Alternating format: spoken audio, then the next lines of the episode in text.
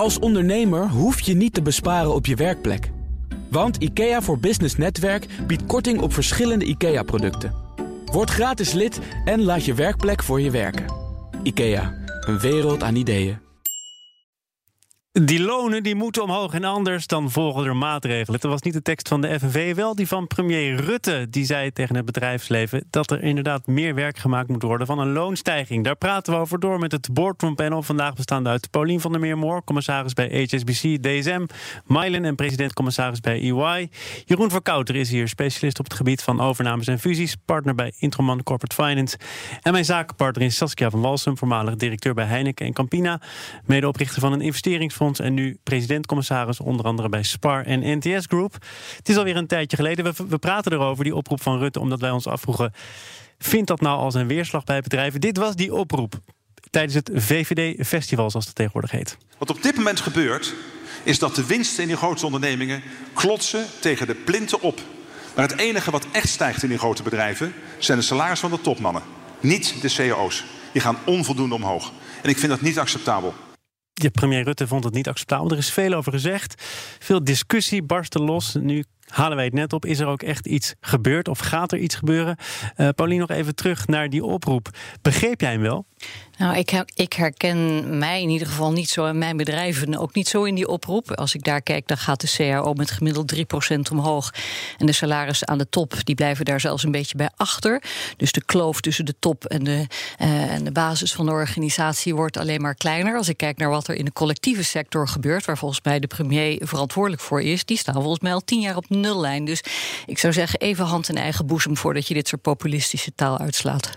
Jeroen. Ja, ik ben het volledig mee eens. Kijk, uh, als je kijkt naar uh, alle overheidsdiensten, daar worden CAO-onderhandelingen al drie, vier jaar gevoerd. Uh, tot geen resultaat bij het Bureau van de Rechtspraak bijvoorbeeld. En er komt geen enkele verhoging aan te pas. En, en vervolgens heeft hij het over de winst die tegen de plinten klotst. Nou, ik vind het ook nogal een grote uitspraak.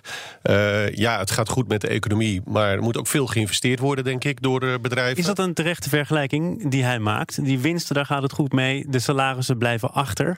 Uh, zijn dat twee grootheden die je met elkaar in verband moeten nou, brengen? Ik denk dat eerder is, uh, salarissen uh, zijn meer bij de vraag van het personeel. Dus als je meer mensen nodig hebt, dan stijgen salarissen.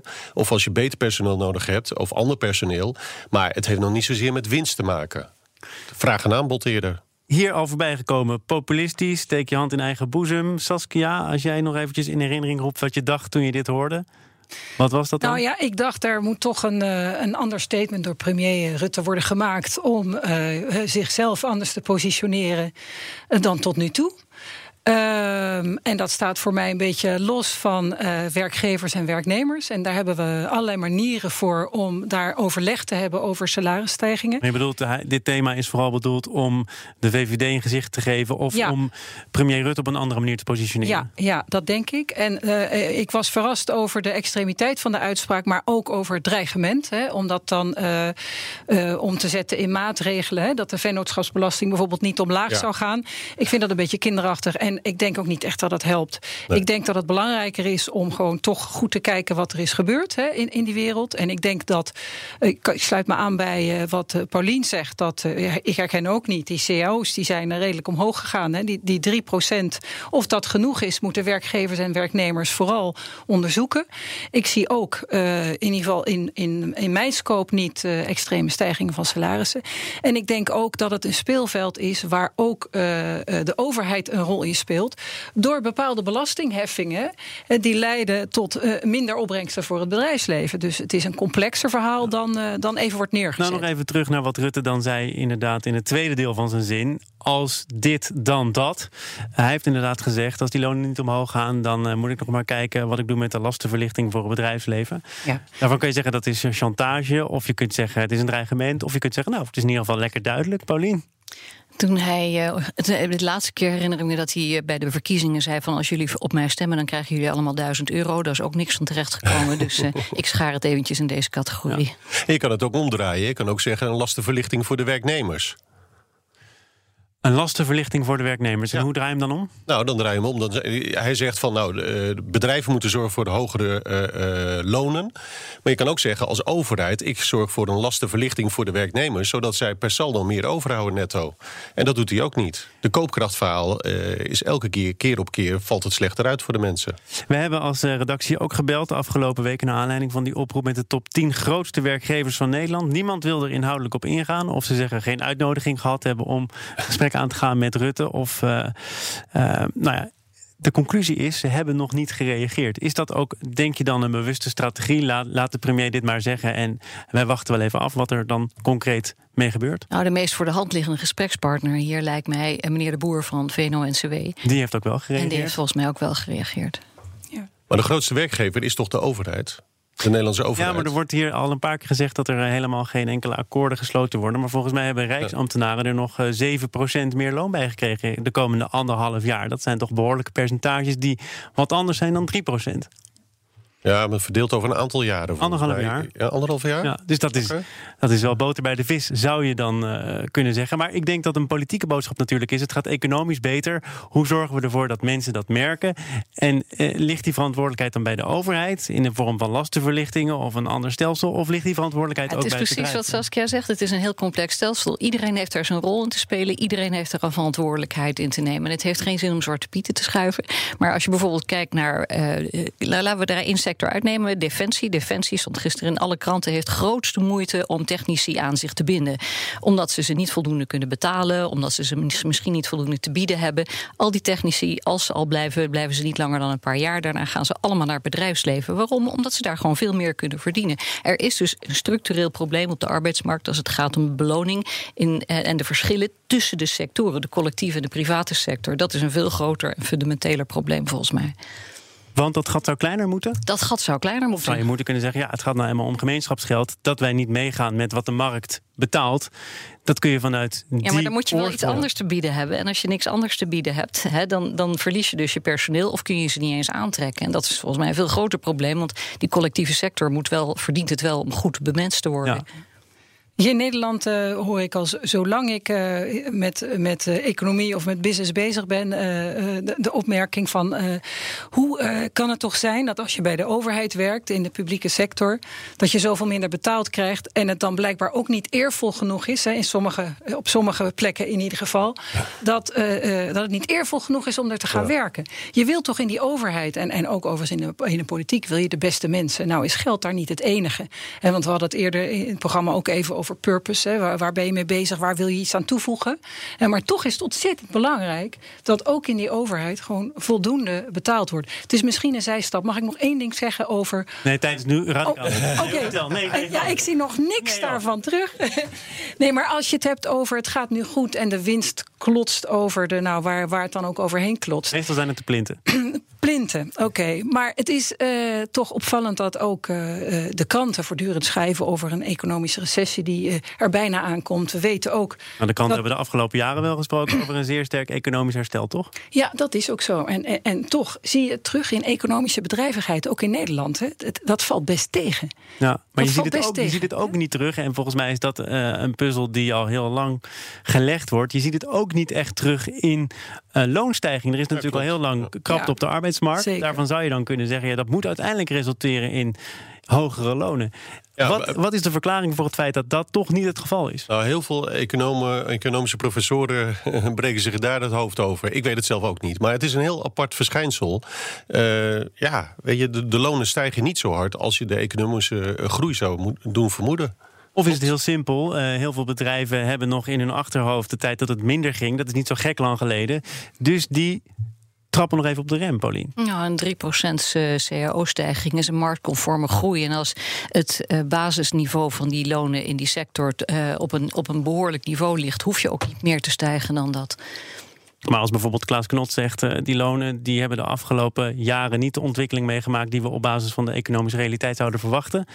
Klopt dat dan of niet? Nou, daar verwacht je inderdaad dat er een soort lineair verband is tussen de winstontwikkeling en de, loons en de loonstijging. En, en, dat lineaire verband is er niet. Dat is dus ook precies wat premier Rutte ja. eigenlijk wel veronderstelt. En dat hoeft er ook niet te zijn, juist omdat je al die andere factoren, investeringen bijvoorbeeld in de toekomst meeneemt. Dus je nadenkt over hoe ondernemingen op dit moment voor disruptie staan en hoe ze dus zichzelf volledig opnieuw moeten uitvinden en wat dat aan een kosten en investering met zich bijbrengt. Je kunt niet zeggen van we gaan gewoon een lineair verband aannemen tussen loonkosten en winstontwikkeling. Je dus hebt ontzettend dus veel van niet, die winst nodig om te herinvesteren en jezelf opnieuw uit te vinden. Maar als, als ik jou dan de vraag stel: is er ruimte om werknemers beter te betalen? Dan komt het erop neer, die is er niet, want we hebben ons geld nu voor iets anders nodig. Kijk, als ondernemer maak je altijd de afweging waar, wil je, uh, waar wil je uh, je middelen in investeren. Wil je het in je arbeid investeren? Wil je het in je kapitaal investeren? Je moet gewoon zelf nadenken waar, waar je dat het beste investeert. Als je hele schaarse werknemers hebt die je alleen maar kunt krijgen als je ze heel veel betaalt, ja, dan zul je ervoor kiezen om daar die lonen te laten stijgen. Er wordt ook wel gezegd, uh, een gevolg is dit van het feit dat die arbeidsmarkt zo versnipperd is, vast, flex, um, de vakbondsmacht is gebroken. Zou dat een puzzelstuk kunnen zijn? Dat denk ik zelf niet. Kijk, weet je, uh, het wordt net al gezegd aan de overkant ook, uh, de lonen zijn gestegen. Dus ja, misschien niet in de, in de, in de mate waarin premier Rutte het zou willen, maar 3% is op zich ook niet laag. Hebben we uh, het meeste over deze discussie nu wel gehoord? Of verwacht je echt nog dat er bedrijven, los van Hans de Boer van VNO-NCW... nog een keertje terugkomen op die oproep van uh, Rutte? Nou, het is een populistische oproep. Dus ja, weet je, we zullen ook wel eens een keer wat tegengeluiden weer horen. We gaan het hebben over Nederlandse beursgenoteerde bedrijven. Want die hebben te weinig oog voor het klimaat. Met name de klimaatrisico's die ze lopen, die worden chronisch onderschat. Blijkt uit onderzoek van KPMG onder AEX genoteerde bedrijven. En Paulien, dat is mij toch wel uh, opgevallen. Want je zou zeggen, klimaatakkoord net gepresenteerd. Het gaat al langere tijd bijna nergens anders meer over. Hoe kan het dat dit bij grote maatschappelijke, of nee, beursgenoteerde bedrijven nog niet de aandacht krijgt, zegt KPMG die het verdient. Ja, dat is interessant. Ik heb het stuk van KPMG nog niet gelezen, nog geen tijd voor gehad. Ik zou het wel interessant vinden om te zien wat ze precies onderzoeken en hoe. Maar eh, wat ik zie is, het staat wel op de agenda, maar het is ook hartstikke lastig om, eh, om er een cijfertje aan te hangen, hè, om dat goed in te schatten. Dus je kunt zeggen, we, onderschatten het chronisch. Die kans is waarschijnlijk groot, omdat er niet alleen eerste orde, maar ook tweede en derde orde effecten aan het klimaat hangen. En dat het best lastig is om die goed te beprijzen. In mijn ervaring is wel iedereen ermee bezig. Sommige sectoren meer dan andere. DSM is er heel erg mee bezig, al vele jaren. In de bankenwereld wordt ook heel veel gekeken naar, naar klimaatrisico's. En andere sectoren kan ik me voorstellen dat het minder op de agenda staat. Wat zijn staat. eigenlijk klimaatrisico's? Want dat is ook een, een, een brede term. KPMG heeft het over transitierisico's, bedrijfsbezittingen die minder waard worden, andere ja. voorkeuren van consumenten zijn dat nou ja, inderdaad. Een voorbeeld van een, een, een, sector die daar al heel lang mee bezig is, is natuurlijk olie- en gaswinning. Vanzelfsprekend. Ja, vanzelfsprekend. Hè, want die hebben natuurlijk veel olie en gas in de grond zitten. Dat zijn fossiele brandstoffen. Op het moment dat je gaat in een transitie-economie van het gas afgaat, zoals het heet, je gaat meer naar alternatieve vormen van energie, dan zou het dus zomaar kunnen zijn dat om een bepaalde opwarming van de aarde te voorkomen, je een deel, of misschien wel heel veel, van die fossiele brandstoffen in de grond moet laten zitten. Dat zijn genoemde stranded assets. Nou, dat, zijn, dat is dus een, een klimaatrisico. Dat, dat die reserves, die bewezen reserves, die je nu voor een heleboel miljard op je balans hebt staan, straks niets of minder waard zijn. Nee. Maar als jij zegt bedrijven zijn er wel mee bezig, wat betekent dat dan? Nou, dat ze uh, in ieder geval naar de, uh, in het geval van de olie- en gasindustrie kijken naar uh, wat betekent dat dan voor de, voor de winbaarheid van mijn reserves en voor de waarde daarvan op mijn balans. en dus voor de waarde van je onderneming en van je toekomstige cashflows en daarmee ook je winst. Um, als je kijkt naar een bank, dan betekent het waar financieren wij nu? Financieren wij olie, gas, kolen, allerlei andere fossiele vervuilende industrieën? Of, of stappen we daaruit en gaan we bijvoorbeeld green bonds ontwikkelen. En in welk tempo doe je dat dan? In welk tempo stap je uit die oude financiering en stap je in die nieuwe financiering? Dat soort vragen, daar zijn die bedrijven wel degelijk mee bezig. Heb jij het uh, stuk gelezen, Jeroen? Of in ieder geval de conclusie zelf, gedeeld? Ik heb het zelf ook niet gelezen. Maar ik moet zeggen, kijk, weet je, klimaat is natuurlijk een hele lange termijn visie. En dat is dan, denk ik, voor veel bedrijven toch wel een beetje een, een brug te ver. Natuurlijk kunnen ze wel, olie en gas is een heel goed voorbeeld. Energie sowieso, die is er natuurlijk op korte termijn ook mee bezig, door alle ontwikkelingen. Maar als je kijkt op consumentengedrag, ja, dat, dat, dat praat je over tientallen jaren dat daar dingen in gaan veranderen. Dus ik denk maar dat ik heb toch het idee dat heel veel mensen ons nu ervan proberen te overtuigen dat het niet zulke hele lange termijn is. Als je kijkt naar dat klimaatakkoord, dan komt dat toch dichterbij dan 2050 bijvoorbeeld. Ja, dat klopt ook. Maar ja, dan wil nog niet zeggen dat de bedrijven dan daar gelijk ook hoog op de agenda zetten. Uh, zeker beursgenoteerde ondernemingen kijken ook naar winstgevendheid op kortere termijn, vijf tot tien jaar. Dat is ook het probleem van beursgenoteerde bedrijven. Dat is ook de vraag die gesteld wordt. En dat zijn natuurlijk bedrijven die zo door de waan van de dag soms worden geleefd. En er zijn maar enkele die daaraan kunnen ontsnappen. Bijvoorbeeld commissarissen. Uh, ja, en de commissarissen van beursgenoteerde bedrijven hebben natuurlijk ook mee te wegen wat er, wat er gebeurt op die beurs. Dus je hebt sowieso als beursgenoteerd bedrijf, denk ik, een, een veel kortere adem. En het is ontzettend moeilijk om over klimaat ook concrete afspraken te maken als je niet de lange termijn goed in kaart hebt. En heel vaak is die lange termijn toch ook gebonden aan een ander, bijna een ander businessmodel. Hè. Eh, eh, en dat hangt natuurlijk van de sector af, hoe belangrijk het is. Maar het voorbeeld wat Paulien geeft, ja, dan heb je het over zulke fundamentals. Dat voordat je daar echt een, een goed ei over hebt kunnen leggen, ja, dan kun je voor de quick win misschien een paar dingen doen en voor het oog van de bühne. Maar dat, dat, dat is uiteindelijk dan niet genoeg. Dus het vraagt enorm veel. En ik heb ook veel respect voor bedrijven die dat wel doen. Nou, ik heb ook begrip voor. Bedrijven die het doen, die zijn vaak ergens in een mediastorm terechtgekomen. Die zijdelings raakt aan klimaatproblematiek, klimaatverandering. En dan staat het wel in één keer hoger op de agenda. Ja. Dat is wel heel erg ad hoc dan. Soms is dat zo in het leven. Dat overkomt ons mensen en bedrijven ook. Hè, dat je een burning platform nodig hebt om echt te veranderen. Dus niet alleen in dit, eh, op dit gebied, in dit onderwerp. Ik vind het ook een beetje flauw om dat daar uh, op, op, op in te zetten als dat negatief bedoeld is. Dat weet ik niet. Ik heb ook uh, dat rapport nog niet gelezen.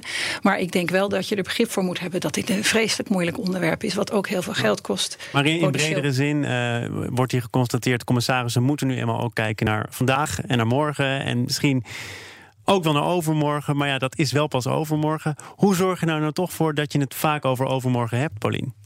Nou, hoe groter het bedrijf, hoe complexer het vaak is. En hoe meer die bedrijven ook middelen hebben om na te denken eh, over hun strategie in termen van scenario's. Dus die hebben soms hele uh, cohorten mensen die nadenken, die eigenlijk niets anders doen dan de hele dag uit het raam kijken en nadenken van wat zit er op ons aan te komen. En dat te vertalen in wat zou dat voor mogelijke scenario's kunnen betekenen. En wat betekent dat dan weer voor onze strategie. Als je een klein bedrijf bent, dan heb je die luxe niet.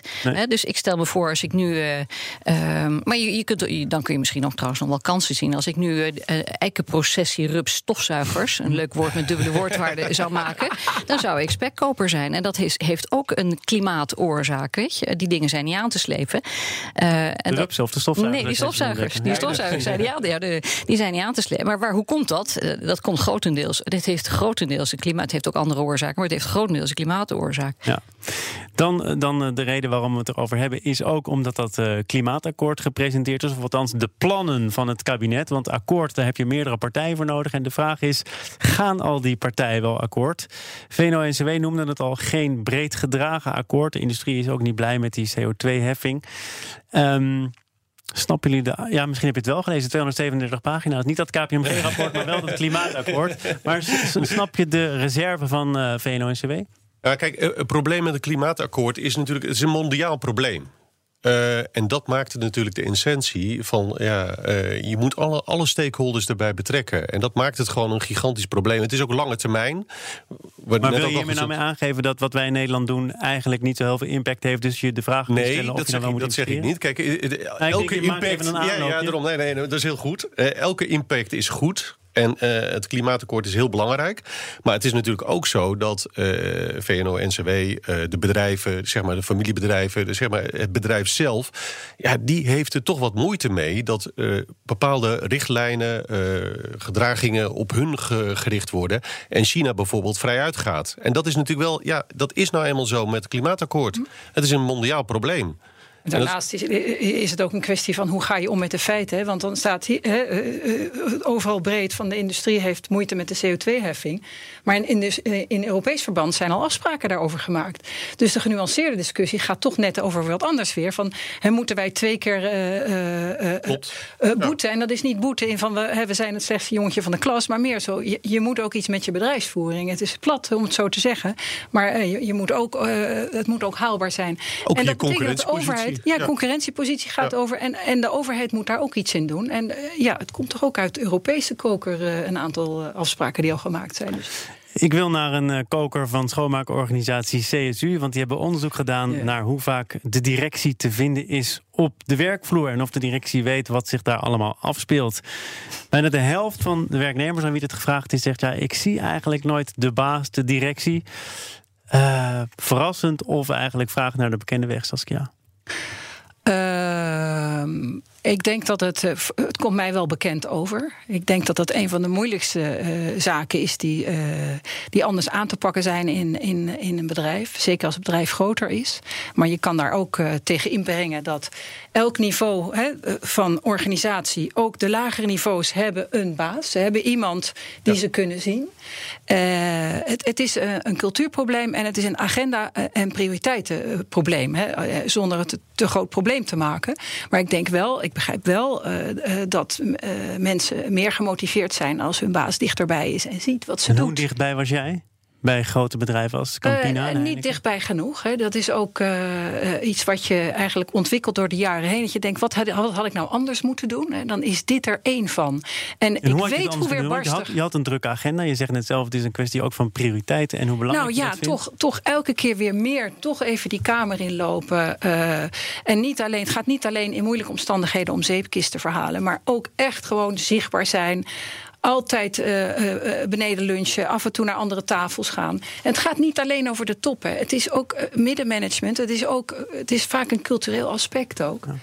Dat we, ik denk als je in een, in een fusie zit of een overname, of dat daar net iets gebeurd is, dat dat zeker van belang is, Jeroen. Ja, nee, sowieso. Kijk, uh, ik heb ooit op de universiteit in een heel ver verleden geleerd dat management by walking around uh, de manier was. Maar uh, kijk, weet je, net wat gezegd wordt, in elke laag van de organisatie, bij familiebedrijven zie je de DGA, de directeur groot aandeelhouder, natuurlijk veel vaker op de werkvloer. Maar hoe groter de organisatie wordt, hoe meer lagen ertussen komen. En het is belangrijk voor mensen om niet alleen hun directe baas, maar hun baas daarboven ook wel eens te zien. En in fusies. Als we dat allemaal vinden, waarom gebeurt dat dan kennelijk toch nog te weinig? Nou, ik denk, ja, het is de vraag: wat, wat bedoel je? Kijk, de CEO van KLM, dat hij niet langs de vliegtuigen loopt als ze worden schoongemaakt, dat snap ik wel. Um, maar dat daar een directe baas of zeg maar een baas daarboven wel komt kijken, dat is een ander verhaal. Hoe pak je dit nou goed aan, Paulien? Als je inderdaad van goede wil bent en je denkt, ja, dit is belangrijk, ik vind het ook belangrijk, ik heb het druk, maar ik moet toch ook vaker in contact treden met mijn werknemers. Wat doe je dan? De vraag is ook een beetje waarom je dat wil. Hè? Wil je het alleen maar om zichtbaar te zijn? Of wil je het ook om echt voeling te houden met wat er speelt? Goede, goede organisaties die hebben een, een, regel dat, dat je aan de top ook meewerkt. Gewoon een dagje achter de kassa staat, bij wijze van spreken, om ook echt voeling te houden bij het primaire proces. Dat, dat, dat heeft veel meer voordelen dan alleen maar zichtbaar zijn voor je werknemers. En natuurlijk wil je als werknemer gewoon weten wie je baas is en met die baas regelmatig praten. En het is fijn ook een keer de baas van de baas te zien. Maar het is onmogelijk om in een multinational de hele tijd de hoogste baas te zien. Maar daar kan je overigens wel, daar heb je technologische foefjes voor. Je kunt in de lift videootjes streamen en dat soort dingen. Zodat je toch de hele nee, tijd, nee. zodat je je baas toch de hele tijd te zien. Maar dat is toch net niet helemaal hetzelfde als dat warme gevoel wanneer je samen koffie drinkt. Tot slot. Ja, denk ik. Nog even over zeker, Spar, maar... hè, want het spreekt me aan wat je zegt. Hè. Je moet ook kijken waarom je de dingen doet. Bij Spar was ongelooflijk veel moeite om in het distributiecentrum voldoende handjes te krijgen. En de helft van het hoofdkantoor is gewoon in het DC gaan werken om de handel de deur uit te krijgen. En dat komt doordat die cultuur daar klopt. Ja, mooi. Ja. Ja. Mooi voorbeeld. Ook een zeer mooi einde van dit programma hoe dat zomaar uitpakt. Hè? Saskia van Walsen was hier mijn zakenpartner van vandaag. Jeroen Verkouteren en Paulien van der Meermoor, dank voor jullie komst. Een kleine update maakt een wereld van verschil. Daarom biedt IKEA voor Business Netwerk gratis snelle interieurtips en ideeën. Word gratis lid en laat je werkplek voor je werken. IKEA, een wereld aan ideeën.